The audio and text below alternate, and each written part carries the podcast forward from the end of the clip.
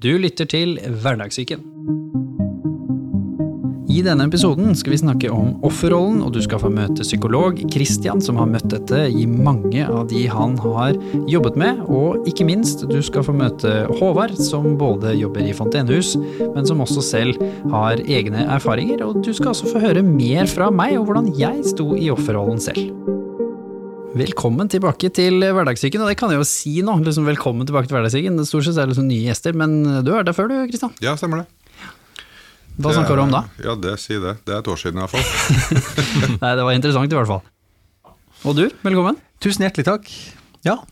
Jeg har ikke, jeg har ikke vært der før. Nei, men du har vært der før i form av kontoret og delt intervjuet ditt på The Human Aspect og i det hele tatt, så det er ikke helt nytt. Nei da, nei da. Kjent adresse, kjent menneske, kjent konsept. eh, og en ny kar. Ja. Det liker vi. ja, det liker vi. I dag eh, så blir det jo Det er jo offerholdet som folk har hørt at vi skal snakke om, så da må vi jo liksom grave litt i hva det er. Men først og fremst, hvem er dere for noen folk? Hvem er du? Kristian Slytter, øh, psykologspesialist på noe som heter Akerselva Psykologene. Det er et privat selskap som holder til oppe ved Grünerløkka. Så der er vi åtte-ti ti stykker. Og driver med individualterapi og gruppeterapi og sånt. Det trengs, og som vi snakka om, det har ikke blitt, noe, har ikke blitt arbeidsledig de siste to åra. Det har Nei. vært økning. Nei, da, folk henger nesten ikke sammen.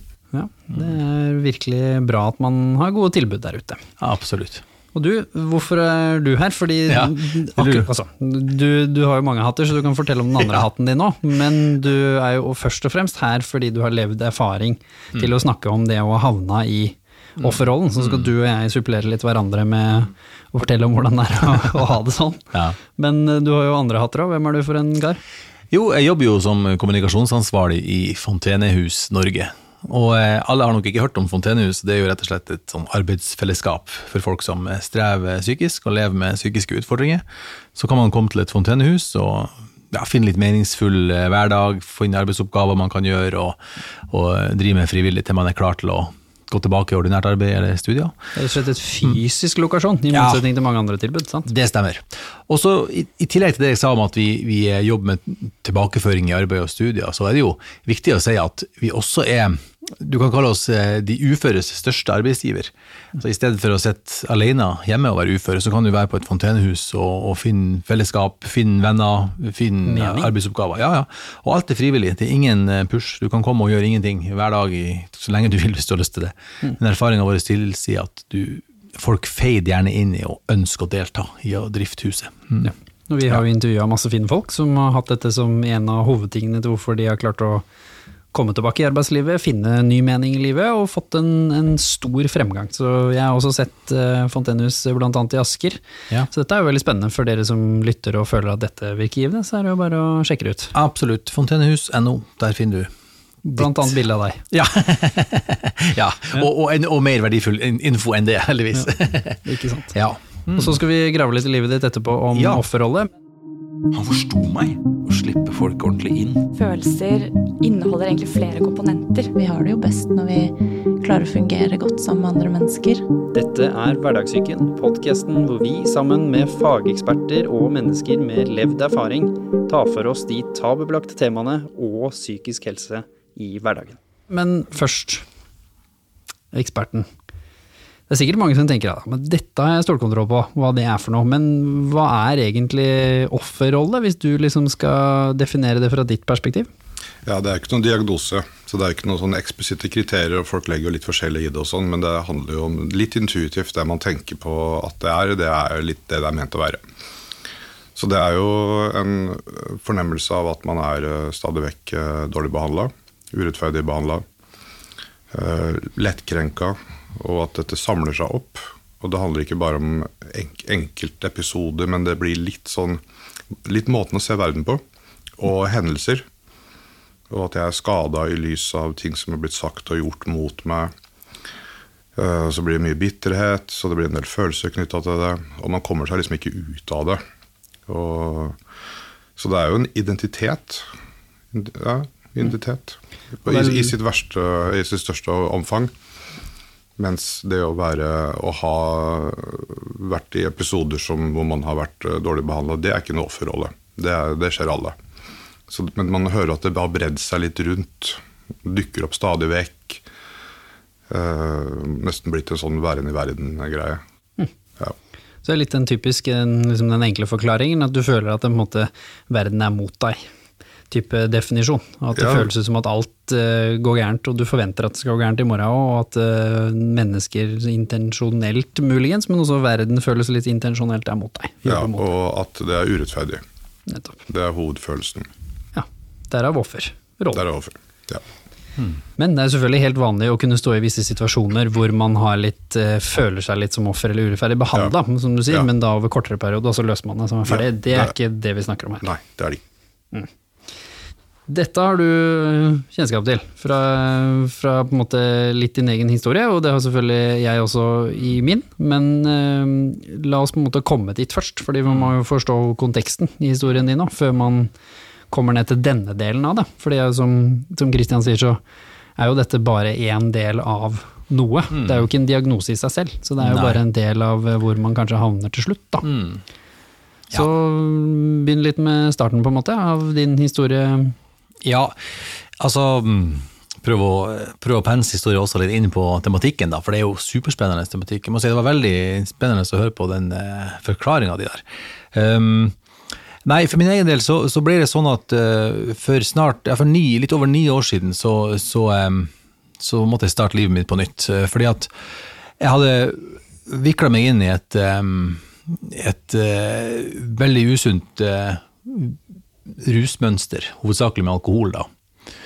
Og, um, og Du kom fra et- underholdningsbransjen, ikke Ja. sant, et sted hvor dette her var det stemmer. Jeg var jo Jeg var både i serveringsbransjen og i underholdningsbransjen samtidig. Og det er mange som er det, da. ikke sant? For du som, som ung og eh, uetablert eh, skuespiller som jeg var da, eh, så, så er jo det Jobbene er few and far between, og så eh, driver man og tar litt strøjobber på sida, og så er man eh, Eller mann, altså jeg, jeg er glad, var glad i en fest. Jeg var glad i det pulserende livet. og litt uten å merke det, da, så levde jeg et liv som jeg egentlig likte, men det var, jeg, det var sosialt. Jeg kunne drikke eh, noe med én gjeng på en mandag og en annen gjeng på en tirsdag. Og når det da ble mandag igjen, og jeg drakk med den mandagsgjengen igjen, så, så var det ingen av dem som så at dette var et eh, mønster som gikk hver dag, da, ikke sant? Men, for det skifta så mye folk jeg hang med.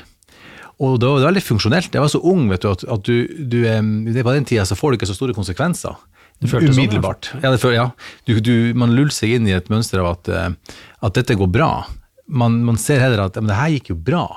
Da kan jeg fortsette. Jeg husker så spesifikt en påske, jeg var rundt 4-25 år, og da hadde jeg drukket ganske hardt hele den påsken, og det blir jo ni dager, ikke sant, sånn, med, men med, med, med fest, altså, oppegående mennesker rundt meg, alt var gøy og sånn, og drakk hver dag, og da tenkte jeg sånn, å søren, enn hvis jeg blir alkoholiker nå, eh, kla- klarer jeg å stoppe?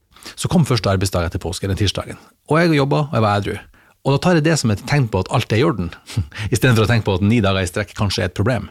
Og det er akkurat der, det selvbedraget der, det drev jeg masse med. Og til slutt så klarte jeg ikke å stoppe når jeg ville. Det kom snikende på. Og sånn tror jeg det er for mange, for vi, vi lager oss et bilde, mange av oss, meg inkludert, av at det å ha et alkoholproblem, det betyr å ligge og søve under ei bru.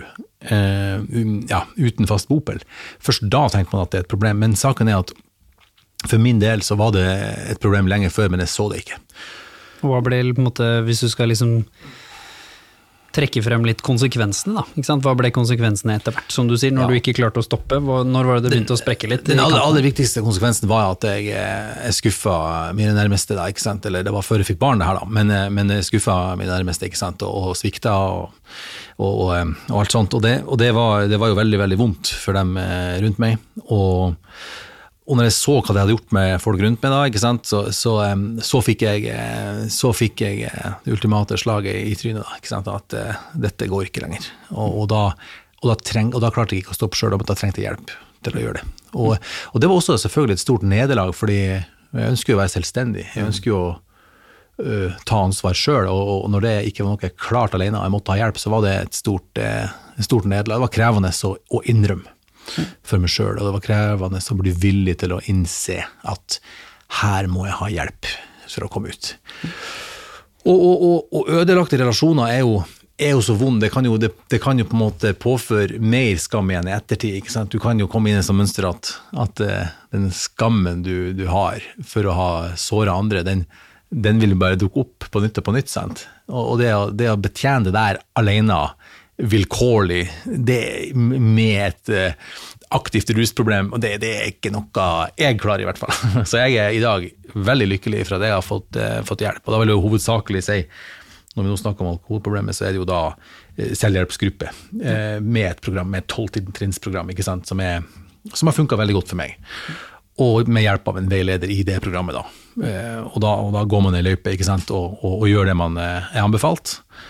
Og det I dag er jeg bare veldig takknemlig for at jeg har fått oppleve det. For at etter en sånn heftig bunnkjenning, så, så oppleves, oppleves ærlig talt litt sånn for å si det litt vidløftig, nesten som en restart på livet, da. Fordi Ja. Um, jeg, jeg, klarer ikke sånn umiddelbart her og nå å koble det til offerrollen sånn, sånn tvert, men jeg, men jeg var, jo en, jeg var jo en forøver av det vonde. Jeg var jo den kjipe. Eh, ikke sant? Samtidig som jeg hadde det vondt. jeg trengte jo hjelp. Ja. Um, men heldigvis, da. Da lærte jeg noe veldig viktig av um, han som han som var min veileder. Lærdommene, lærdommene ja, etterpå også, som, ja. som, alltid. Mm.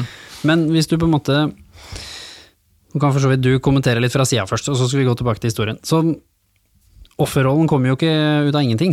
Sant? Som du sier, her er det ikke snakk om at du får noe urett sånn i fem minutter. Eh, det er jo noe som skapes inni oss etter hvert. Mm. Og skam er jo på en måte et, et, ord som eh, fort kan eh, være en viktig aspekt her. Så mm. hvis du på en måte skal trekke inn skam, hvorfor kan det være en, en god bekjent av, og en viktig faktor i offerrollen?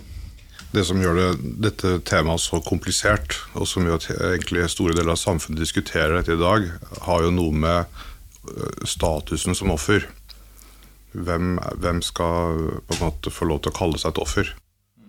Og vi har dette uttrykk som heter 'sant offer'. og da, Det begyntes på at uh, man, man har blitt påført noe, men man, man er ikke å laste sjøl. Sånn type slått ned på gata. Da er man et offer. Overfallsvoldtekt, uh, sånne ting. Uh, så er, men så er det blitt litt utvida, sånn at det er flere folk som har begynt å blande seg inn i denne rollen, da, eller i denne statusen. For status som offer gir jo rettigheter og privilegier. Og jeg vil også si til en viss grad litt makt. Og det er det som er problemet med en offerrolle for de som er litt falske, er at det fører med seg en berettigelse til spesialbehandling. Mm -hmm. Nemlig. Man blir litt untouchable.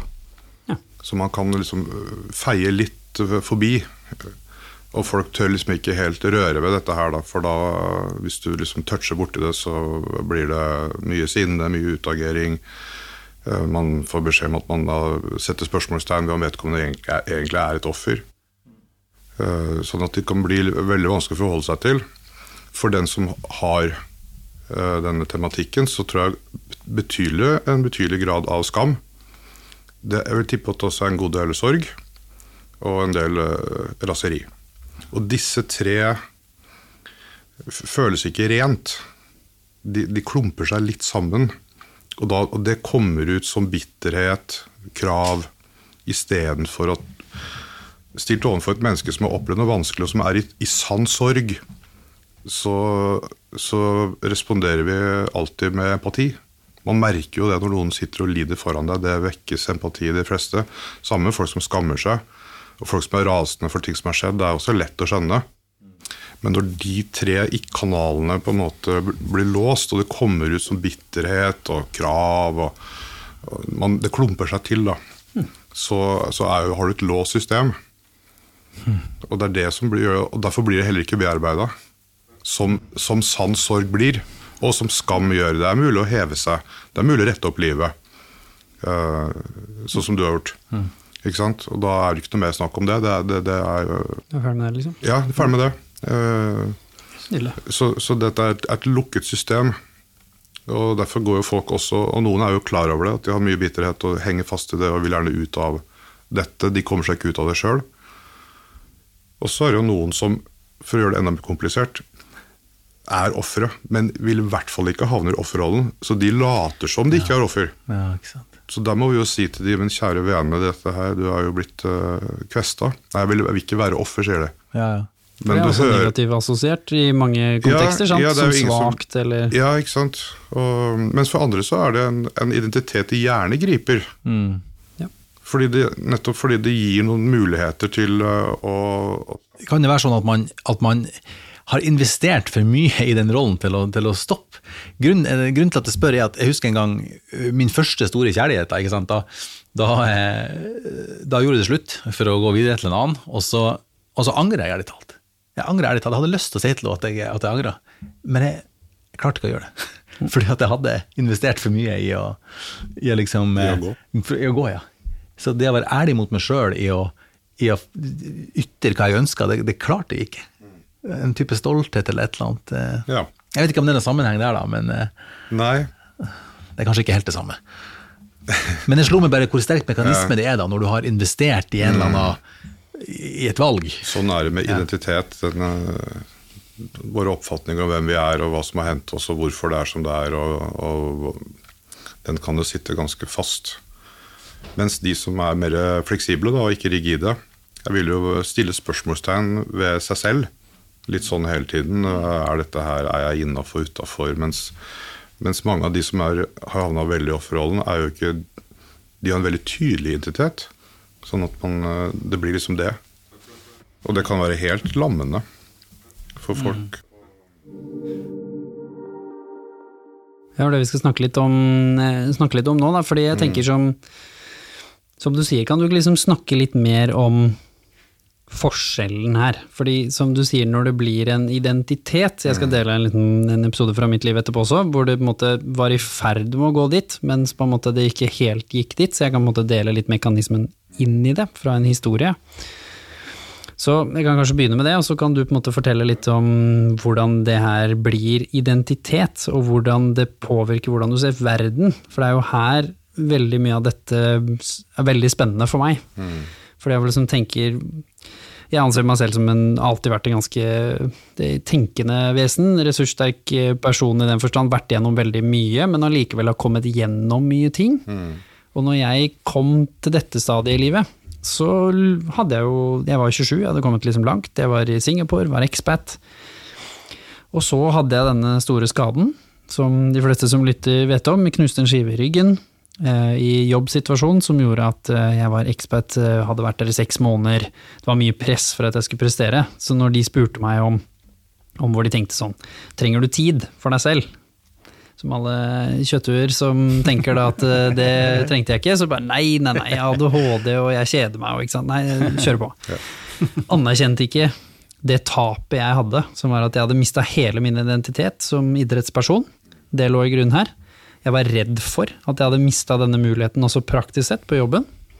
Og jeg selvfølgelig anerkjente ikke hvor emosjonelt vanskelig det var. Jeg dyssa det ned, både til familien min, som jeg visste ikke hadde råd til å komme, eller mulighet til å komme til Singapore, og til arbeidsgiver, om hvor mye dette påvirka meg. For jeg ville vise at dette klarer jeg aleine. Sånn som du nevnte i stad, jeg var på ingen måte åpen for, for hjelp enda. Og så fortsetter jeg å jobbe, da. Og så kommer det en situasjon med en kollega, en bitte liten ting, eh, som har skjedd før. Altså, det var ikke noe graverende greier, men hvor jeg nå, i det mindsetet jeg er nå, hvor jeg ikke har det bra, utagerer voldsomt. Det var en reell urettferdig situasjon, sånn som du var inne på. Jeg følte meg urettferdig behandla og litt sånn tråkka på. Men reaksjonen min var veldig kraftig, fordi jeg hadde det så vanskelig.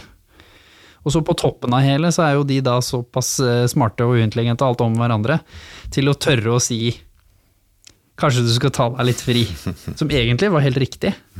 Men det er ikke det du sier til noen som er i den situasjonen jeg var, ikke sant? fordi nå var jeg i hvert fall klar for krig. Når de kommer der, nå følte jeg meg i hvert fall urettferdig behandla, for jeg mente jo, men nei, nå skal du få høre de objektive argumentene mine om hvorfor dette var så forferdelig. De var jo ikke objektive i det hele tatt, men inni hodet mitt så føltes det sånn. Jeg argumenterte, jeg skrev lange mailer, og så var vi i gang. Så ble det en kjempekonflikt som gikk så langt at jeg inni hodet mitt genuint satt og følte de vil meg vondt. De anerkjenner ikke at jeg har jobba her så lenge, de forstår meg ikke. De ønsker meg ut, de ønsker å presse meg ut. Og så ble jeg sånn mini-konspirasjonsteoretiker i mitt eget hue. Og i tillegg hadde folk rundt meg som liksom var litt sånn jusprega, så jeg fikk liksom lent meg den veien òg, og begynte liksom å ta igjen. Jeg er jo i tillegg en personlighet som på en måte blir litt sånn kriger i den, i den posisjonen, da. Og så begynner jeg å fortelle om dette til liksom familie, ikke sant? og så mater jo de narrativet, for de hører jo bare min side, og så er vi i gang. Så begynner jeg å bygge en verden som bekrefter det jeg vil skal være sant. Og nå begynner det å bli skummelt, ikke sant? for når du begynner å bygge opp ganske mye av det, så begynner min verden å rotere rundt denne sannheten, og jeg virkelig inntar en offerrolle. Veldig motsatt av den energien jeg vanligvis har. Fram til dette så har jeg vært den helt motsatte personen. Den som veldig kjapt har på en måte sett Nei, nå slutt å tulle, liksom, og løst det. Og det går jo såpass langt at det er jo månedsvis inn i dette her, og jeg er i ferd med å potensielt kunne ødelegge mitt eget rykte. Men også ødelegge relasjonen til disse menneskene som har vært en stor del av mitt liv, og som når man ser tilbake på det, bare ikke skjønte hvor alvorlig dette var. For jeg hadde jo aldri sagt det. Men emosjonelt så følte jeg at de burde ha skjønt det. Så begynner man virkelig å tulle dette til. Og jeg tenker sånn, dere skjønner meg ikke, ikke sant? Og så er vi i gang. Så uansett ble det galt. Uansett hva de gjorde. så ble det Uansett hva de gjorde derfra ut, Ja. det var sjakkmatt. Ikke sant? De prøvde å reach out, de sa skal vi snakke, de sendte en som de visste hadde god relasjon med meg. Liksom, de prøvde alle mulige vinkler, skjønner jeg jo nå. ja. Alt de gjorde, var et forsøk på å ta meg, eh, presse meg ut, eller gjøre meg vondt. Ja. Følte jeg. Hva er det som skjer her, inni hodet mitt? Vennligst sorter. Ja, nei, Det sier jo litt om hvor fort vi kan havne der alle sammen, spør du meg. Jeg tror ikke det er mer umenneskelig enn som så. Alle kan tappe inn til dette, de greiene her, og det blir fanga av det. Eh, Så det er jo det menneskelige aspektet. da. Og så er det noe med liksom, hvordan i all verden skal man få snudd ut, komme seg ut av det når man føler seg krenka og veldig urettferdig behandla. Og hva er det liksom som skjer? Kan du liksom forklare litt sånn psykologisk, Ja. hvordan ble dette min verden plutselig? Hvordan gikk jeg fra en relativt uh, oppegående, perspektivbasert kar til en som virkelig levde offerrollen Ja. med fanen Ja, høyt du var jo ikke helt i vater når denne hendelsen skjedde. da. Det har mye å si. Men det er vel ganske vanlig? At det kan er gjerne begynne ja, der. Ja, vi er ikke alltid i, i vater, så dette kan jo treffe noe urettferdighet eller dårlig behandla, krenkelser, skuffelser, avvisning etc. Treffer oss på forskjellige plasser. For det hang jo i fra før. Ja. Det hører jo med til historien at det var jo ikke første gang Nei, nei, nei. dette hadde skjedd med denne kollegaen, men som jeg sa, vanligvis Mm, vanligvis. så svelga jeg den kamelen og kom Ja. meg videre, og Ja. brydde meg ikke noe om det. Så det var et narrativ her som hang igjen fra lengre tid, om at her er det noe urettferdig, litt sånn Og så eksploderte hele greia. Nettopp. En annen eh, god illustrasjon er jo at man da søker eh, tilhørere for støtte. Så man forteller denne samme historien til alle som gidder å høre på. Og da er det 'fy faen, du er urettferdig behandla', som er det man skal på jakt etter. Så resten blir jo tilhørere. Så man, du stiller jo ikke spørsmålet 'overreagerer jeg'? Det er På ingen måte. Nei, på, på ingen måte. Nei, nei. Så da er jo liksom publikum er jo, eh, er tildelt en rolle da, som bare opprettholder dette her, da. Og, så, og mange havner i retten. Jeg tipper Jeg var på god vei. Du er på god vei. Ja. Og det er denne urettferdighetskampen som man er villig til å gå nesten helt i eh, rennesteinen for å få gjennomført. Jeg tenkte på å gå til media, jeg. Ja. Jeg var der. Ja. Altså, det er, altså, når jeg ser tilbake på det nå, så er jeg ganske langt unna hvor jeg er nå, men, men i det ga fullstendig mening. Og som du sa, når jeg delte det med noen, Ja. Til og med så fikk jeg bekreftelse selv på de kanskje litt ekstreme reaksjonene, da, som f.eks. å gå til media eller sånne type ting, så var de liksom ja ja, det var liksom litt mer skeptisk der, men det var fortsatt ja, føles det riktig, kjør på. Ja. Det, er lett å se for seg at man eh, i den fasen der, da, når du vil til media eller eventuelt havne i retten, jeg opplever at det henger sammen med en viss sånn romantisering av rettferdighetskampen. Har du du har hørt, ja, nettopp, Ja, ja. Du har hørt noen historier, sett noen historier om hvor det gjøres. Man tenker at nei, du har ingen sak, du burde la det ligge, og så jo, og så, og så vinner den til slutt. Mm. og, det, og det er de historiene som de bør blande seg inn, når man kanskje er mer tjent med å puste en gang til. Men det er vanskelig å vurdere, da. Vanskelig å vurdere. Fordi hvis uh, hovedfølelsen er, er urettferdighet, og det, det er jo en menneskelig følelse, og noen ting i livet er urettferdig, men som hjelp så må det jo være hva som er urettferdig her egentlig. det er ganske mye analyse som skal til der. Hva var kontekst, hva var du, brakte du, i, i hvilken grad Skjønner du? Så den der følelsen som liksom bare løper av sted med oss, og krenkelse og urettferdighet, er jo for noen da, da, er, vi, da er det Ja, kjempesterk. Og hvorfor er den liksom så sterk? Hva er det som gjør det i hjernen vår at uh, med en gang vi tråkker nedi der, så, så du blir ikke likt, på en måte? Og at uh, det er ingenting du kan Og hvis Eh. ikke du presterer, så så på en måte er det ikke sånn. Så det kan være en litt sånn softere softere jeg tenker ikke det er offerrolle. Det behov for å bli likt det kan være variabelt i størrelse. Noen har det veldig sterkt, og andre har det i mindre grad. Jeg tenker ikke det har så mye med offerrolle å gjøre, sånn i og for seg. Det er bare et behov som kan løpe litt løpsk, og så gjør man ting selvfølgelig som hvor man mister seg sjøl Mm. i det der prosjektet der. Men kan du ikke snakke litt om liksom, underbevisst og bevisste Jo. drivere her? Fordi i offer- offerrollen så er det jo veldig mye av dette, hadde folk skjønt det sjøl, så hadde vel noen kanskje tatt eh, litt oftere tak i det, da. Fordi noen skjønner det mens det pågår òg, men det, er ikke til å stanse. Litt sånn som det er kanskje, at du tapper inn til det av og til.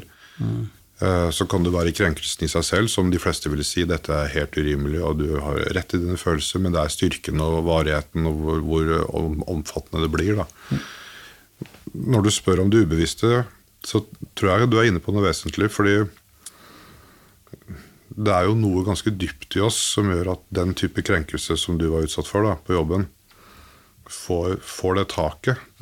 Sånn at, og så kan det være perioder hvor vi kanskje er mer tilgjengelig for at den går rett ned.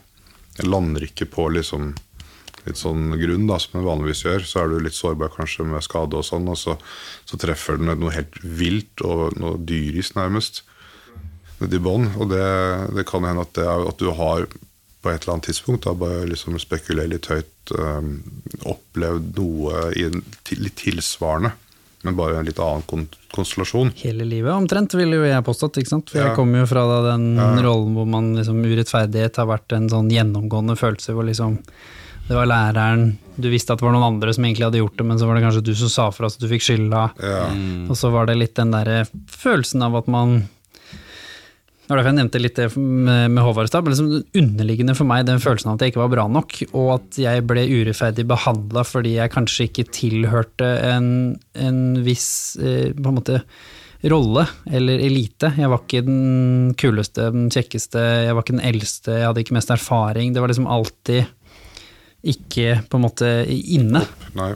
Så de gangene jeg fikk den urettferdigheten, så følte jeg den kom fra et perspektiv hvor jeg var et offer i den konteksten. Ergo jeg var jo powerless. Jeg følte at noen gjorde det mot meg. Og det var ingenting du kunne gjøre tilbake som, som var konstruktivt.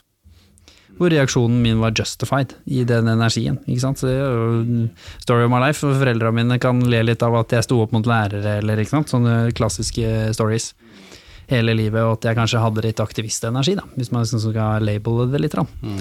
At det var veldig viktig for meg å ta kamper. Rettferdighet, ja.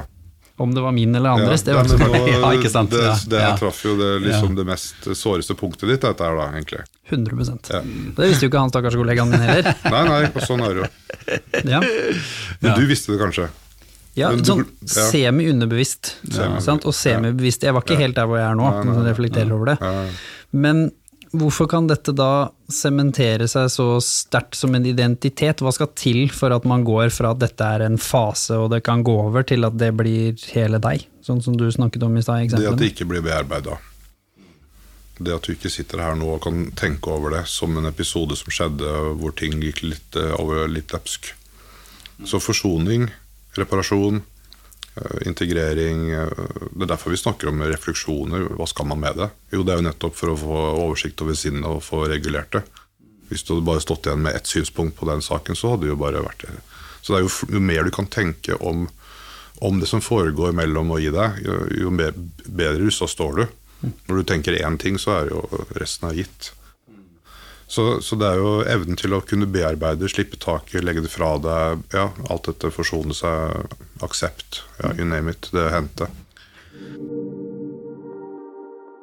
Du som også mm, lever litt i dette her nå, hvis vi skal snakke litt om dagens verden, da. Ikke sant? Eh, sosiale medier er jo konstruert på en måte Jeg visste hvem jeg skulle spørre for å få bekreftelse når jeg sto i offerrollen.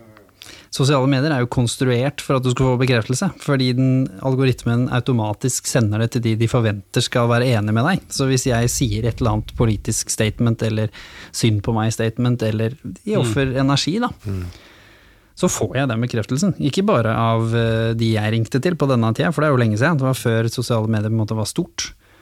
Nå får jeg det av ukjente folk.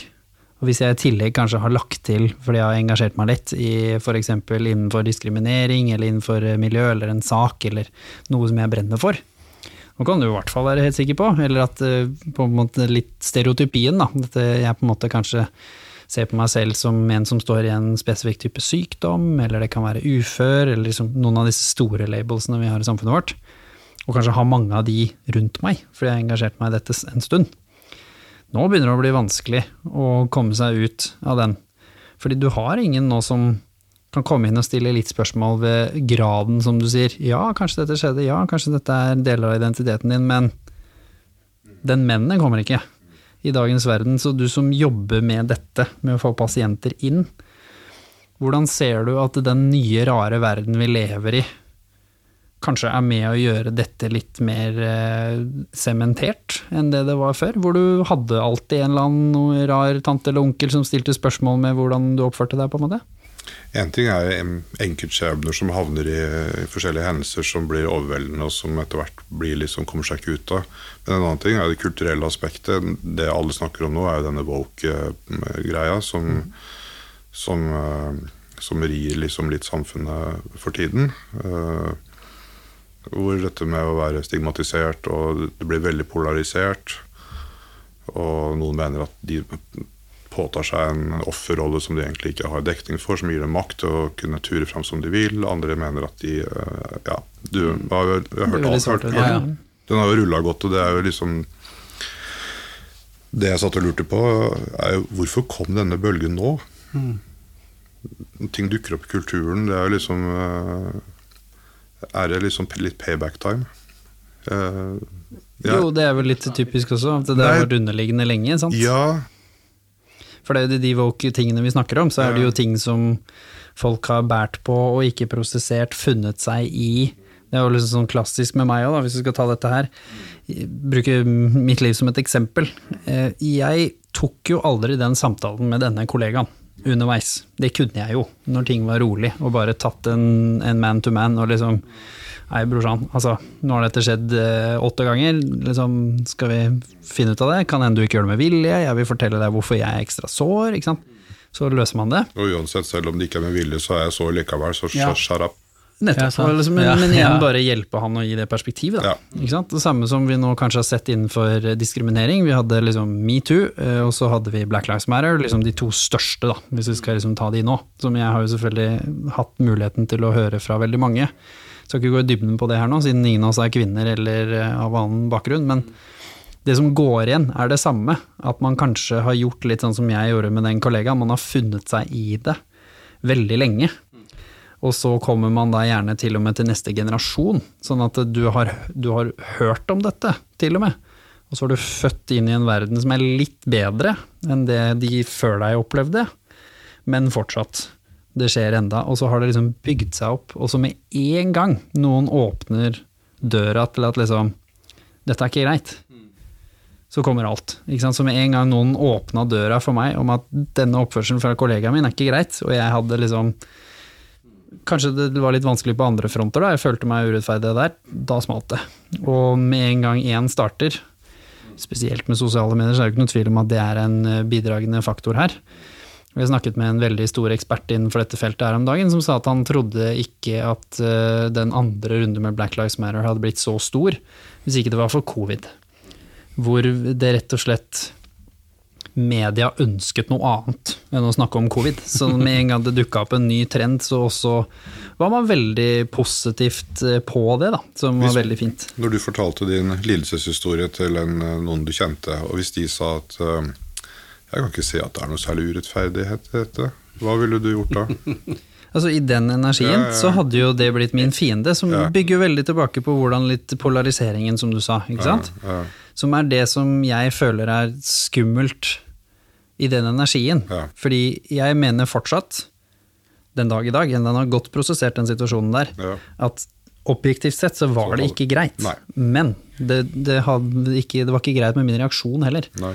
Mens når på en måte sånne små ting har skjedd over tid, som kan knyttes til microaggression f.eks., innenfor de andre temaene vi snakket om, så blir jo hver gang det skjer, så blir jo reaksjonen større. Og problemet er at det trenger ikke å være fra samme person. Her snakker vi jo om samme type kollega, men hvis du i tillegg nå opplever disse fra masse forskjellige personer, og så er det tilfeldigvis Håvard som får smellen til slutt, Hvis, hvis, kan bare, hvis du hadde blitt låst inn i et kontor med han fyren her, og dere måtte liksom bare snakke gjennom dette her det var spennende. Ja, Man skal møte sin overgriper, sånn i anførselstegn. ja. Skal man ikke det? Er ikke der frelsen ligger? Jo, altså, i dette tilfellet da, så handlet det jo om, for min del, at, eh, at jeg måtte jo, litt sånn som Håvard snakket om i stad, se, se min del av det. Ja. Og konsentrere om det, fordi Ja. jeg kunne ikke endre dette mennesket. Det var jo for så vidt ikke noe mål jeg hadde heller. Nei, nei. Mens i de store woke-bitene, da, som jeg ser som på en måte er fint, det er jo å ha noen som kanskje raise the point. Sånn at resten som kanskje ikke har opplevd dette, blir aware. Og så vil jeg også forvente og tenke at det kommer en stabiliseringsfase som var det samme som jeg kjente i min egen offerenergi. Jeg var veldig sterk. Hørte ikke på noe annet. Alle som sa noe annet var min fiende. Polarisert. Når det roa seg litt, og jeg, for det var det som skjedde i min historie, jeg selv fikk noen som stilte litt spørsmål, og så ble jeg litt sånn til slutt Hva er det jeg ønsker å oppnå nå? På en måte. Fordi konsekvensene begynte å gå innover meg òg, da. Og så tok jeg heldigvis kontakt da, med liksom øvre leder, som jeg hadde veldig godt forhold til, og så fikk vi liksom snakka oss rundt hele greia her. Og fikk landa det. Ja. Men etter det igjen, det var jo da det begynte å bli interessant å se litt på dette her. Var bare sånn, ok, men hva med den situasjonen var det jeg ikke likte? Hvorfor over, eh, på en måte, reagerte jeg? Og hva må jeg gjøre med det? For jeg har jo ikke lyst til å være i en posisjon heller, fra mitt perspektiv i dette, da, offerenergi og offerrollen, at jeg skal overreagere sånn på sånne situasjoner. Fordi i den konteksten så var det counterintuitive. Han ble jo like fornærma som meg. Så hvis han hadde vært på podkasten her nå, så, og hvis vi på en måte hadde vært like åpne om dette begge to, så hadde nok han også, og med rette, sagt at han ante ikke hvor dette kom fra. Nummer én, han skjønte jo ikke og visste jo ikke hva situasjonen jeg sto i. Nummer to, mest sannsynlig så gjorde han ikke dette med vilje, det har jeg veldig vondt for å tro. Han er en fin fyr, så det tror jeg på ingen måte. Og tredje, men sist, han kjente jo ikke nødvendigvis til min historie fra livet ut, og hvorfor, som du sa, dette stakk jo dypere enn som så. Så er der det liksom, den spennende analysen dukket opp, da. Så det er derfor jeg tenker at i dagens verden så er det veldig viktig tema å snakke om. Offerrollen. Ikke fordi at disse viktige samfunnsendringene ikke skal skje, men for å passe på at man får nyanser i de. Det samme tilbake på det som du snakket om i stad, som var liksom den såre tingen som du var igjennom, da, hvor du også var med på at noen andre rundt deg følte på en måte på for energi. Det, ja, for det er forskjell er det på viktig. det å havne i en offersituasjon, sånn som du, eller en relasjon, ikke sant? som med hjelp av tid og litt bearbeiding og litt sånn, så, så slapp det taket. Ja. Ikke sant? Det er ikke noe offerrolle.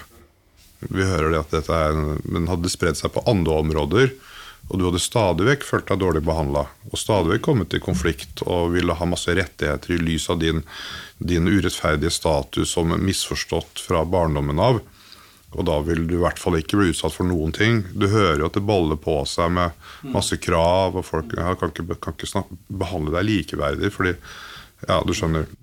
Så det beste du kan si, er at du kan behandle meg hvordan, hvordan du vil. Vær som du vil.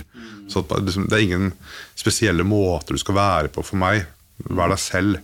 Det er å frigjøre folk fra den der liksom, tvangen om at øh, Sånn at når du er, var i den posisjonen, så kommer alle dine synspunkt. Så er det Ja. Og så tror jeg jo selvfølgelig i dagens kontekst også, så er det jo en blanding av at eh, norsk eh, kultur er i utgangspunktet konfliktsky. Som generelt kultur, kulturgrunnlag. Kanskje ikke like mye i nord, men eh, nok om det. Det er jo faktisk litt sant. Ja, ja, jeg nord så er det. kanskje litt flinkere til å Ja, litt mer direkte. være litt fra levra, ikke sant.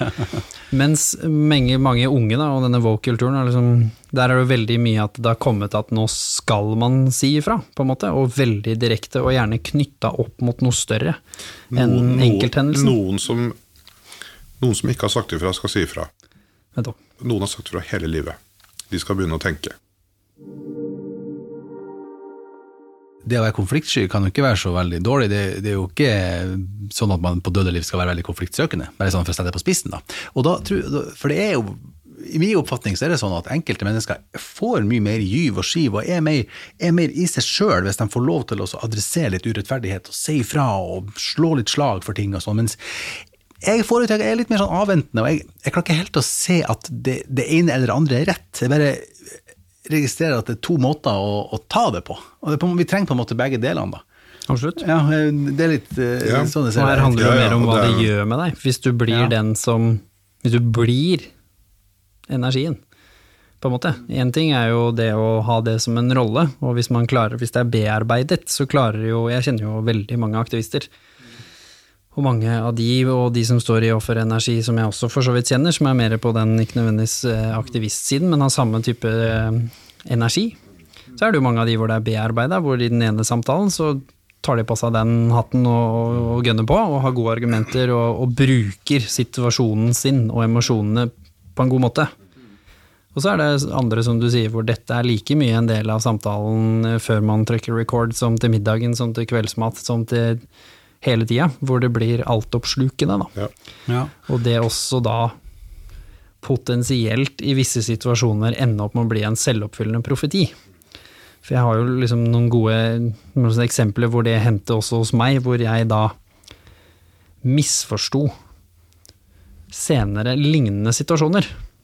Ikke sant? Kommer videre inn i Leger uten grenser, en helt annen organisasjon, helt annerledes bygd, men jeg var i samme situasjon. Jeg var ung, jeg var, hadde nok ikke den samme kompetansen, følte jo på dette selv, og så kommer inn, og så er det igjen en luring som på en måte trykker på den samme knappen.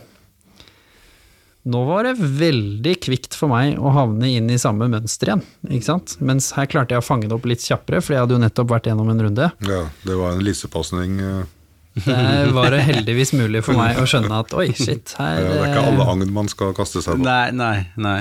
Nei, men der forstår jeg jo hvorfor man kunne det. For der kunne jeg gjort om dette mennesket til den samme identiteten og gjort meg selv igjen om til et offer, og isteden så møtte jeg det litt annerledes. Ikke nødvendigvis eh, liksom, visse, visse situasjoner er urettferdige og Ja. ferdig snakka, og, Yes. og noen mennesker er ikke gode mennesker i en sånn kontekst. Ja, ja.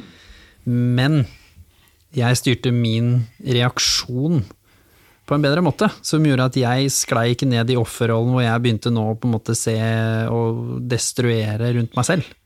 Som er jo det vi har snakket om, som på en måte blir eh, kanskje der hvor det begynner å lage problemer for folk, da. Og det er vel kanskje man ser litt noen ganger med de som er på fontenehus også, er jo at mange av de også kan jo gjerne ha stått i dette lenge. Deres identitet er gjerne kanskje kampen mot Nav. Deres identitet kan være urettferdighet over tid. Mamma var syk hele livet, så jeg måtte passe på hun. Sånne klassiske historier som gjorde at ja, og nå sitter jeg hos dere i fontenehus og føler livet mitt på en måte er litt i grus før jeg kommer til dere og skal begynne å snu ting rundt, ikke sant? Ja, sant?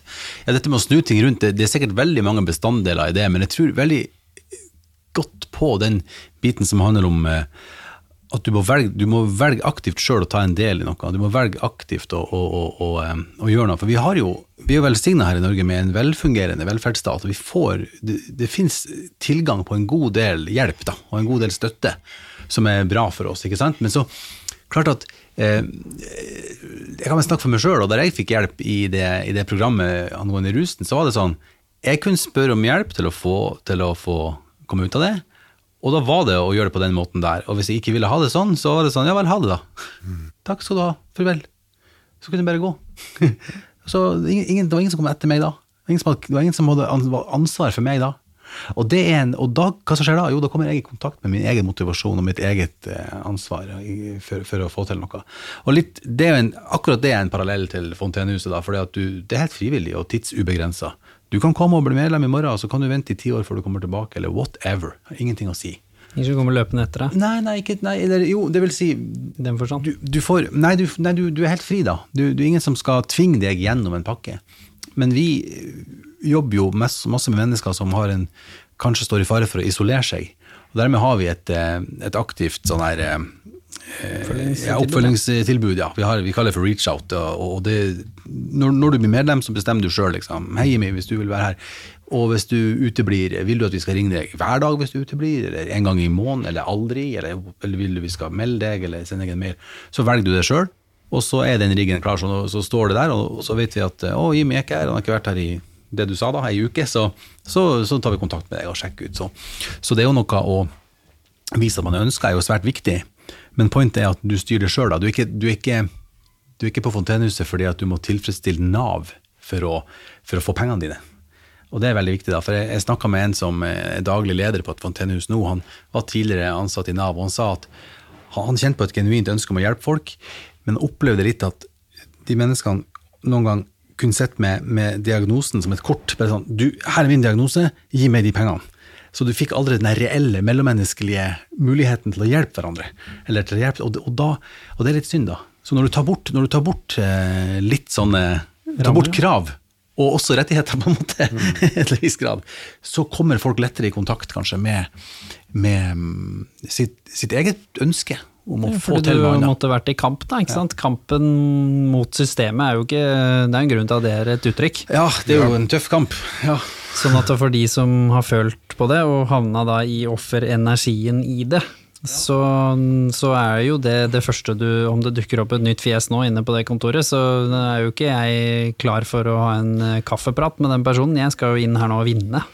Samme som meg mot kollegaene mine, ja, uansett hvem du ja, kaster mot meg. Gamle innstillinger dør seint, som det heter. Men uh, at dårlige ting skjer i løpet av livet, det er ikke til å unngå. Det Er, trikset er å få det reparert jo fortest uh, mulig. Så Hvis man har, føler det er urettferdig på skolen, så må det repareres. Ellers så blir det stående som en fontene inni en uh, liksom gjennom livet. Og da, det, da, leses ting i den konteksten, eller noe annet, da. Sånn at eh, det er reparasjon. Og så Hvis man snakker om offerrolle, så kan man like godt snu på det og si det er noe som ikke er reparert, eller ikke ble reparert, så det blir stående der. Og så har det liksom bare est litt ut. Det er en måte å se det på. At uh, stakkars liten, dette burde jo noen fortalt deg, eller fått bearbeida den gangen, så hadde du sluppet å, å, se verden på den måten. Og lagt noe fra deg, kanskje, eller at noen har skjønt hva du snakka om. Og, ja, ja, for, ja, for hvordan, hvis du liksom, før vi går over til å snakke hvordan du løser det, da, hva, hva, hva, er de mest vanlige sannhetene som, som du må jobbe med? Altså De vanlige offerhistoriene, på en måte, hvis du skal liksom trekke fram de du møter oftest? Av de sannhetene som folk har båret på veldig lenge, da? Eh, det er jo ting som har skjedd i fortida. Det gjelder jo de aller fleste. Det kan godt være ekteskap, det kan godt være system, mye på system. Uh, mer eller mindre berettiga. Det, det, er jo ikke relevant i denne konteksten, for det som sier så lenge de mener det er berettiget, så er det jo det som er problemet her. Saken er at Det er veldig vanskelig å drive psykoterapi som går framover hvis folk sitter fast i en offerrolle. Det går nowhere, fordi den, den, er så lammende for utvikling generelt. Den legger seg som en sånn matte over hele psyken. Så vi er nødt til å stupe litt inn i det, og det er mange terapeuter som gruer seg for det. For hvis du sier sånn Ja, kan det hende at du liksom har tatt et lite plask, ja. liksom sånn, så er det sånn Hæ? Tror du meg ikke? Du vet ingenting om mitt liv. Hvordan jeg er blitt behandla opp igjennom, eller et eller annet i den gata. da. Hvordan approacher du det, da, det som terapeut? Hvis du, liksom, fordi, hvis du har identifisert at personen står av for energi, sånn som jeg var, hvis du hadde prøvd deg på den eh, mot meg, så kan jeg bare kjenne sjøl at det hadde jo ikke nødvendigvis vært så så lett. Nei. Så hvordan approacher man det som terapeut for å kanskje åpne en liten luke hos dem til å tenke at nå gjør jeg ikke dette fordi jeg ikke tror på deg, jeg gjør dette fordi det er et formål. Ja, og det er, og det er ikke noe ett svar på det, fordi folk er jo så unike. Både i karakterutforming, kontekst, type krenkelse, hva man er, ellers er. Så det som ville funke på deg, ville jo ikke funke på deg. og det er jo lys av hvordan jeg blir kjent med deg, og jeg hører på hvor det sitter, og hvor dypt det sitter. og Sånn, så jeg vil jo være en alliert i krigen til å starte med. Jeg vil jo skjønne hvor du kommer fra. Alt annet blir bare tull. Så da må du la meg få lov å fortelle, ja. du må vise litt forståelse, ja. kanskje fortelle hvorfor jeg trakk disse følelsene, hvorfor jeg føler sinne. Ja, ja, klart det. Og så, og så, er det jo litt sånn ok, hva nå? Eh, og så er det jo hva du er villig til å gjøre med disse følelsene, hvor sterke de er. Og, fordi følelser driver jo oss til å gjøre masse greier. ikke sant? Så, så, og man får vettet ned på følelsene, og man trenger noen å tenke om. For hvis psykoterapi skal handle om den dialogen du fører med deg selv, som bare er urettferdig behandla, så skal jo jeg inn i den dialogen du fører med deg selv, og prøve å dra den litt ut.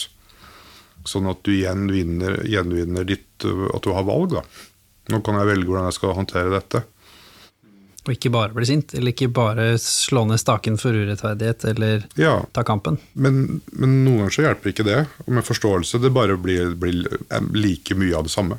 Det bare spruter videre. Så da må man jo prøve å si uh, eh, Hvorvidt du hadde en del av ansvaret, kan jo være en vei. Det kan jo bli gå begge veier. Så er det den makta du, du, du tilraner deg i lys av offerstatusen. Eh, hvordan det er for andre, det sier som et folk det driter jeg i. Så det kommer liksom ikke noe vei med. Og så sier du Det er gjerne en liten del av offerrollen. sant? ja, så man må du spinne videre på den. Så, ok, så du er hensynsløs, da. Og så sier folk 'hæ, hensynsløs'? Ja. Jeg bryr meg jo om alles Nei, rettigheter. Det er nei, jo nei, Ja, sant, ja, ja, ja. ja, men du behandler jo andre som eh, ja, et eller annet. Nei, det skal vi ikke ha. Det er liksom Hvor du dette lager en sannhet. Ja, du, du, du konstruerer noe, ikke sant? når andre påpeker det, så er det bare en krenkelse. Det er ikke, det er ikke informasjon. Det er bare uhyrlig. Så det må jo da enten vekk eller bort, eller de er og, Skjønner du? Ja, så det er liksom, ok. Så, så det er kanskje begynnelsen, da, hvis man skulle tenke litt høyt om uh, selvbedrag og synsfelt. eh, liksom. Kanskje okay. det, ja. Muligens. Ja, jeg, for jeg føler at jeg merker jo, ja, for det er jo helt herlig at vi kan snakke så her åpent, og jeg merker jo at jeg, det har vært litt mer logisk om jeg hadde noe mer å si om min egen sånn reise i akkurat det, men, men, men samtidig, så det spiller jo på hverandre. Det spiller jo på hverandre, det her eh, offerrollen og skyldighetsrollen Ja. på en måte. Det, jeg føler at det henger sammen, da. Det gjør det. Absolutt. Ja, som Så hvis vi liksom snakker litt mer om løsningen her nå, da, eh, som du sier, så har jo du nå da møtt dem litt. Det er litt hardt mot hardt. Men hvordan Veldig soft og hardt mot hardt. Ja. Massiv støtte, og så litt humor, og så litt hardt mot hardt. I en sånn fin blanding. Hvordan, Der, der er hele ditt, eh, der er taktikken, ja. Men det er interessant. Ja, og hvordan kommer man seg liksom, hvis du skal dra noen reiser, da, hvordan kommer man seg ut av dette her nå? Hva, hva må de gjøre selv? For hos deg er det jo hyggelig og trygt og fint. Der kan jeg jo sitte og kanskje være litt ærlig med meg selv, men jobben er må jo gjøres hjemme. Det er ikke alltid noe spesielt hyggelig hos meg. Jobben må jo gjøres der, sant? Så hvordan gjør de den? De som du på en måte har opplevd har klart å snu det her, da. Hva, hva er det som må gjøres mellom timene for å faktisk røske tak i noe så sementert som en eh, offerrolleidentitet? Noen ganger kan man angripe identiteten, sånn at eh, de skjønner at eh, dette her har blitt litt klumpete. Andre ganger så er den så tatt for gitt at du må ta det på relasjonelle konsekvenser. At nå er du ferdig med å miste din siste venninne. Du er ikke invitert lenger. Eh, du kommer i konflikt overalt, og du blir ensom. Du kan risikere å bli ensom, du må ta det den veien. Fordi, og så, ok, hva må jeg da gjøre? Men identiteten sitter så hardt at det bare pirker på den går ikke. Nei. Så man må jo prøve seg litt forskjellige, forskjellige veier. Hva de må gjøre mellom timer. Uh, Hva slags oppgaver er det du gir? Som er sånn de kan begynne å lytte mer til andre. Uh, ikke gi folk en rolle. Og nettopp det jeg sa i stad, at til meg kan du si hva du vil. Så hvis jeg er veldig krenka over mitt tidligere forhold med min eks, og jeg sitter og gnager på det hele tiden, og menn og mm, eller kvinner, et eller annet, så kan du si hva du vil til meg om den saken. Du må ikke være enig med meg. At du fritar folk fra roller, tror jeg er veldig viktig. Ja. Det må ikke være, du kan liksom, ja, jeg tåler alt. Ja. Jeg blir ikke fornærma på deg hvis du sier at nå er du, nå er du på det hakket igjen. det syns jeg bare er litt artig. Ja. Spennende. Uh, som hjelper de på en måte da å kunne tørre å liksom begynne å ta tak i disse tingene, flytte litt på roller, ikke få disse speilingene til den samme sannheten igjen. og så er det noen som har, glede av å skrive det, så får du det på PC-en, og så ser du denne historien utenfor, utenfra deg, eller utenfor deg. Så det er ikke liksom bare levd, men liksom, ja. Hva syns du om det som står der? Ja, Ups. Det, det kan jo være en vekker for noen. Ja. Man må få en liten vekker et, et eller annet sted. Men Også, så er det hardt arbeid å endre identitet.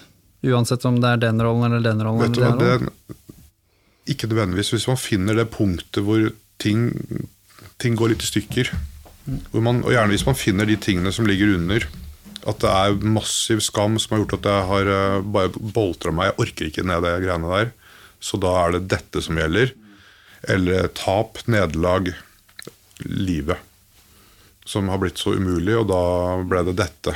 Og så var det ingen som fortalte meg at det ble feil. Skjønner du? Ja, ikke sant. Eh, hvis, man, eh, hvis man når ned til det punktet, så, så, så kan dette eh, Korthuset dette ned. Ja, det det er trøtt. Men det som er litt sånn interessant da, eller som tar fra min egen situasjon, det skjedde jo fort. Det korthuset datt jo på et eller annet tidspunkt, og Ja. da plutselig skjønte jeg, oi, jeg sitter i baksetet i mitt eget liv og lar eh, bilen bare kjøre rett fram og stupet nærmer seg, på en måte. Det begynte å få konsekvenser. Ja. Det skjønte jeg. Men så kommer den prosessen som jeg snakka om etterpå, hvor man da må begynne å bygge en ny verden. For jeg har jo sett verden sånn. Så jeg, selv om jeg har skjønt det, så går jeg jo litt ut som i verden litt sånn usikker nå, på en måte. Hvor litt sånn stiller spørsmålstegn ved alle mine egne sannheter. Ja. Det føler jeg også at kan være nyttig å gjøre sammen med støtte fra en litt fagperson, fordi det kan være skummelt. Så hvordan hjelper du noen å liksom sette sammen verden igjen, da, hvis vi skal si det sånn? Spesielt kanskje hvis noe av urettferdigheten fortsatt eksisterer eller, og eller er sann. At det er sånn Nav-systemet ble ikke noe bedre bare fordi jeg skjønte at jeg var offer i systemet, og kanskje nå skal ta en annen rolle. Ble ikke noe mindre på en måte dårlig opplevelse for meg som kvinne, f.eks., eller noen av de store vi snakket om i stad. Hvis vi tar utgangspunktet at den grunnen til at jeg var i offerrollen, har ikke nødvendigvis dramatisk endra seg, men måten jeg har tenkt å interagere med det, kommer til å endre seg. Hvordan guider du folk nå i å tåle kanskje litt mer av eh, urettferdigheten, men møte den annerledes? Ja, en ting er er det urettferdig eller er det ikke urettferdig? Det er jo et spørsmål, det er et stort filosofisk spørsmål. Så være kjapp i vendinga der, så skal man jo være forsiktig med. Akkurat samme som eh, kjærlighetsbrudd.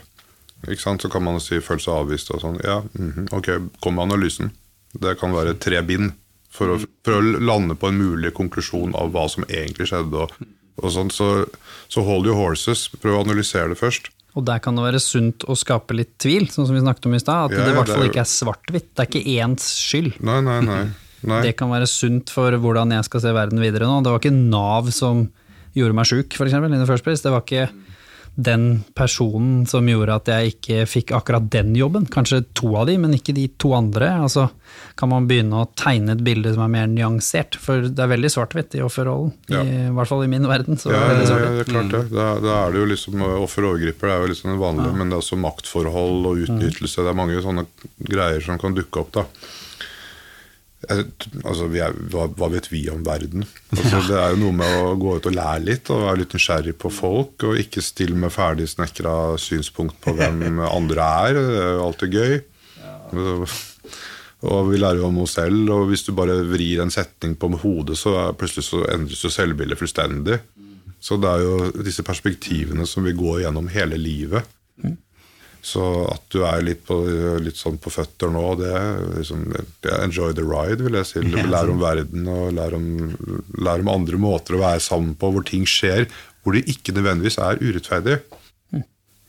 Ting skjer. Du kan, kan putte på det hvilken ja. klistrelapp du vil. Hvordan ser man liksom at det da hjelper? Liksom, hvis du skal liksom beskrive litt noen av de reisene du har sett, da. Hvordan, hvordan har du sett at noen mennesker har klart å liksom endre litt måten de har interagert med verden Ja, på? folk får lyst til å være sammen med deg, men det er jo en start. Det hjelper jo.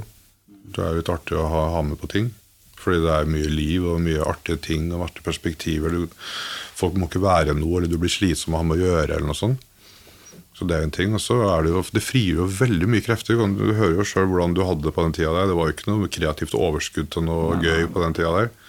Så, så det er mye å hente på det. Uh, indre, fri, indre fred. Eh, ingenting kan konkurrere, seg, konkurrere med indre ro. Men man er forsont med, med ting. Jeg skulle til si det, Tilgivelse og forsoning er vel også noe av det du hjelper til med, kanskje, Ja. for å legge noen historier bak seg. Ja. Hvordan, hvordan gjør du det, og Nei, hvor kanskje man stor rolle er skal det? få tilgi Nav, da. Nei, jeg tuller. Ja, men, jo, men eller på en måte er kanskje litt eh, strengt, men, men forsone seg, da. Altså, ja ja, du hører jo når noen, noen er forsont. og man merker hvor deilig det er å være sammen med forsonte folk. Det, det er sånn, Ja, det var det, og det var jo ikke noe lett ekteskap. Han var jo ikke noe lett å ha med å gjøre. og Han, han stjal jo båten, det er riktig det, men sånn var nå han, og det er lenge siden. og Hører er forsont. Andre igjen, det er bare å starte kverna, så er det ånd igjen, på ånd igjen med det samme narrativen. Hvorfor liksom skal vi forsone oss sånn psykologisk? Nå snakker jeg ikke om filosofisk, men psykologisk, hva er det det frigjør? Fordi eh, situasjonen har jo skjedd, det er jo i fortid. Ja, Så vi er jo enige om at de tingene som, som gjør at man bærer på noe, det er jo noe som har skjedd. Så Ja. den får vi jo ikke endra. Men hvorfor, Forsone seg. hvorfor forsoner Fordi det er sunt. Hva skaper det, liksom? Det er sunt. Ja. Noe er veldig patologisk, og noe er veldig sunt. Og et eh, normalt selvbilde er sunt, god attachment er sunt, god effektregulering er sunt, eh, gode behov som er normale, er sunt. Være forsont, relativt forsont med livet, seg selv, verden, ditt og datt, er sunt. Masse er sunt, og så har du alle mulige ting som gjør at det ramler ned. Så jeg, jeg, jeg har ikke noe moralsk anliggende her, jeg bare sier dette er veldig usunt. eh, Kort og godt. Og Det er min jobb å fortelle hva som er sunt og usunt, og hvordan vi kan komme oss til noe sunnere. Altså kan du, Jeg har ikke noe behov for å fortelle at dette er moralsk gærent. eller noe sånt. Det, folk sitter fast, og det er en ærlig sak. En ærlig sak. Jeg tror ikke noen gjør dette her helt bevisst. Det er ikke så artig å sitte fast i det greiene. Nei, og det var du snakket om i stad med bevisst og underbevisst. Sant? At uh, det kan for all del hende at man er bevisst i hva man sier, og at uh, nå kommer kverna igjen, men veldig mange av disse tingene er jo sementert i identitet og hvordan man ser verden, som du Ja. sier. Så det er jo ikke det at man går og tenker at nå er jeg denne personen. Man ser det jo ikke sånn som vi ser det fra siden.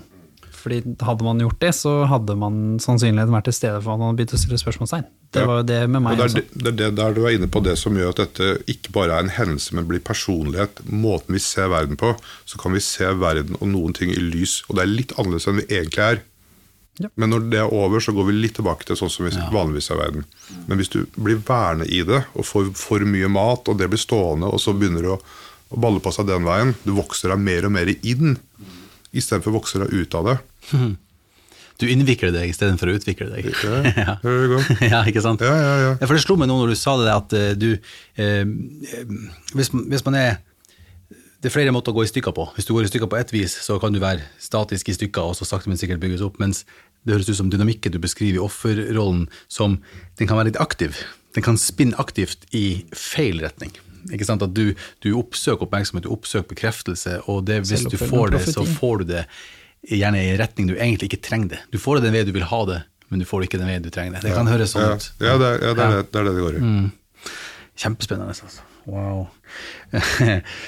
en, eh, en kompis som jeg sa at eh, det å bli edru, da sa han at sånn eh, The good news is you get your feelings back. And the bad news is you get your feelings back. At du har jo hold- årevis holdt på å ikke betjene følelsene dine, og ikke takle dem. Men det første, ja, så, så det er den samme tingen som er bra og dårlig, da. Ja. Det er interessant. Plutselig så ser man verden fra et litt annet perspektiv. Man begynner å ta ansvar for tingene man gjorde, som du snakket om, ikke sant? Som en del av offerrollen også. Det er veldig mange i offerrollen som gjør ting som man skammer seg over, som du var inne på så fint i stad. Så når du begynte å skjønne at liksom noen av disse tingene var, det var på en måte din skyld, i den forstand at det var dine handlinger, så du jobba mye med å ta ansvar. Hvorfor ble det en viktig ting for deg, å liksom ta tilbake det ansvaret, for så å kunne gå videre og si nå vil jeg ikke være denne personen mer? Fordi du var jo ganske inaktiv i mange av disse handlingene, fram til du skjønte at ja, jeg har gjort, jeg tar ansvar, nå skal jeg gjøre noe annet. Tok i hvert fall minste motstands vei, da, litt for ofte. Det går, man, kommer jo langt, man kommer jo langt med det, men ikke alltid. Det, jeg, flir godt, jeg flir godt av Homer Simpson, da, for han, eh, han, han representerer alle de her driftene eh, inni meg som jeg ikke må følge, når han, når han sier de vise ordene til sin sønn Bart Simpson. If something is hard to do, it's not worth doing it. Det er så sykt morsomt fordi at vi kjenner oss igjen, eller jeg kjenner meg igjen i å ha lyst til å handle sånn, og det er jo ikke bra, ikke sant? Og det er, det er fantastisk med de menneskelige svakhetene som det handler om, Jeg opplever at det handler om at jeg må anerkjenne mine egne svakheter uten å forsvare dem, eller, eller rømme ifra dem, eller, eller, eller, rasjonalisere dem til å være riktig. Det er det galeste. Når, det, når det gale du gjør, er sånn at du rasjonaliserer det til å bli dette, dette er rettferdig. Det mening, det var ja, ja, ja, ikke sant? Det, da, er man jo, da er jeg jo helt ute. Men når jeg klarer å se at wow, jeg gjorde det der igjen, åh, my goodness, ja ja, da får jeg prøve å rette opp igjen, da. Ikke sant? Og da må du ta ansvar for Ja. å kunne rette det opp, for hvis ikke så vil du jo bare Da er jo det ditt verdensbilde på at sånn skal det være. Så den handlingen der var justified fordi verden er urettferdig mot meg. Det var en som forklarte meg en gang eh, betydninga av? For Vi snakker litt om bitterhet her, og at du blir stående fast og gjenta. og Han, han, han sa først til meg at eh, for, for å ta det eksempelet med å bli slått ned, da, fordi det er så konkret og enkelt Hvis jeg ble slått ned for, for fire år siden, la oss si det, og det var åpenbart han andre som var out of line, la oss si det var sånn. Poenget er at La oss si at han angrer, da. Fra den dagen. Så angrer han, ba om unnskyldning, tok straffa si, og så gikk han videre. Men hvis jeg går og tenker på at jeg fikk det slaget, og jeg tar det opp med dere, og jeg begynner å kjenne sinnet mitt, eh, og jeg forteller om det, sant? så er det jo ikke lenger han som slår meg i trynet, da er det jeg som slår meg sjøl i trynet. Da er det jeg som bruker den situasjonen mot meg sjøl igjen. Og ordet resentment på engelsk kommer fra sånn, eh, siste delen av ordet sent, sentiment, altså det kommer fra noe sånn, jeg vet ikke da, jeg kan ikke dette nok, men sånn eksempel latin eller noe sånt kommer det fra, og betyr eh, å oppleve, føle. Og re, sentiment, du, du føler på nytt. Noe som ikke skjedde nå, det driver du og føler på nytt nå. Og, og, og da er det jo ikke lenger den forøveren sitt ansvar, tross alt. Da er det på en måte du sjøl som gjør det med deg sjøl. Um, ja, jeg liker bare det. Jeg, jeg, treng, jeg trenger det perspektivet for å minne meg sjøl på at uh, jeg har noe makt i hvordan jeg har det. Ikke sant? At jeg kan, eh, jeg kan passe på det der.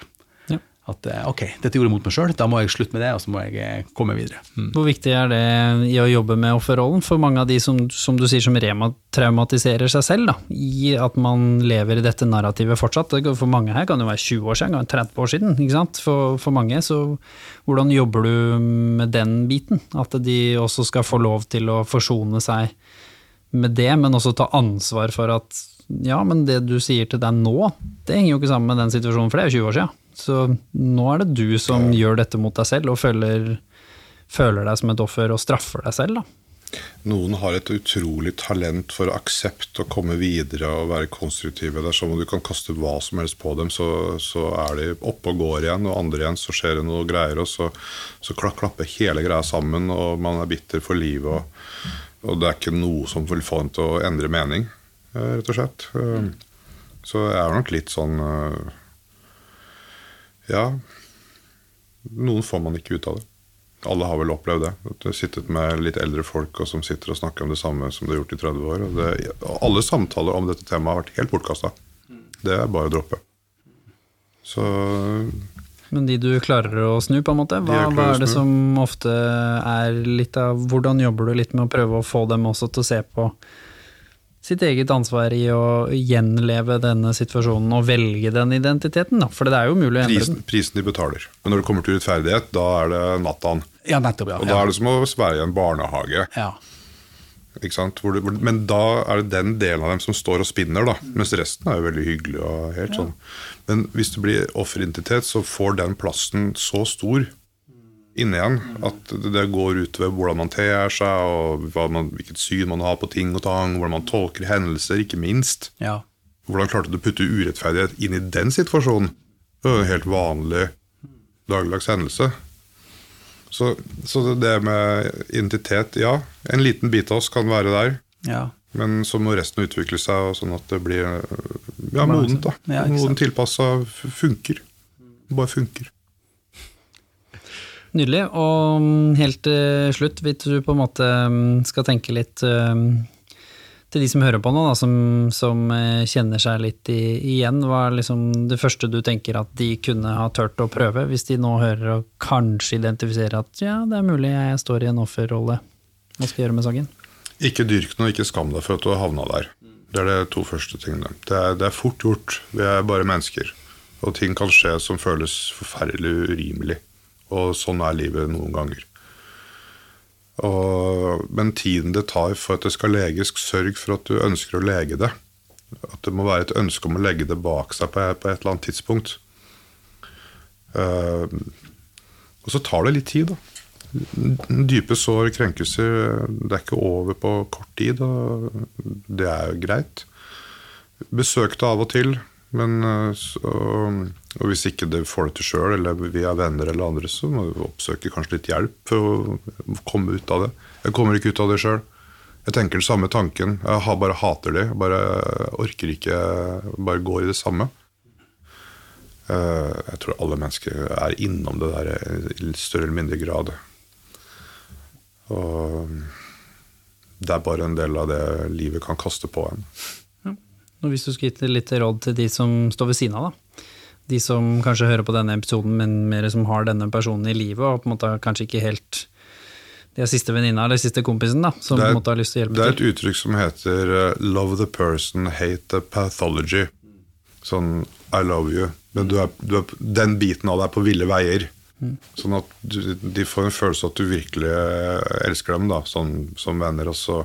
Men den biten av deg der, er- den, Den er vanskelig. den er vanskelig. Den, den må du bli kvitt. Eh, Det kommer fra en god plass. Det vil de aller fleste som er rimelig vater, ta for en god Jeg skjønner hva du mener. Så det kan være starten på en samtale. At man liksom klarer å forankre det at jeg, du kjenner meg, jeg har vært der i 10-15 år. ikke sant? Ja, så er det noe med, her er ordene superviktige, da. For det, det ligger jo litt i krenkelsens natur. sånn at man må jo liksom sånn, Men hva skal man si? Men at uh, vi jeg, jeg skjønner litt hvor du kommer fra. Jeg, jeg har også vært litt der. Og, og jeg, jeg tror dette tar det beste av deg. Eh, sånn som, ikke sant? Du hører at det kan folk spise. så gjør det litt spiselig, Ja. og så vise mye kjærlighet. Kjærlighet, Ja. Men så allikevel tørre å kanskje være litt ærlig mot den biten som du syns er vanskelig. Offerbiten, Ja, rett og slett. ja. Ja. Sikkert noen nøkler i det du sier der om at det du syns er litt vanskelig, istedenfor å si du er sånn, eller du er sånn, men at jeg syns det er vanskelig når det skjer, eller kanskje det er lurt. Ja, og når du får tak i Det er jo ydmykelse? Det, er, det Ja. kan være ganske heavy ting. Så, så, og den følelsen må jo bare liksom bearbeides litt sånn over tid. Så be folk om å droppe offerrollen, det er bare å glemme. Ja. Det blir bare en krenk, nok en krenkelse. Da du- vips er du ute av det selskapet. Men at ydmykelse er en nødt å komme seg følelsesmessig ut av når noe har hendt oss, eller dype krenkelser, og si at ja, det skjønner jeg da godt. Det hvordan faen skal man komme seg ut av det greiene der? Det sitter jo som et helvete.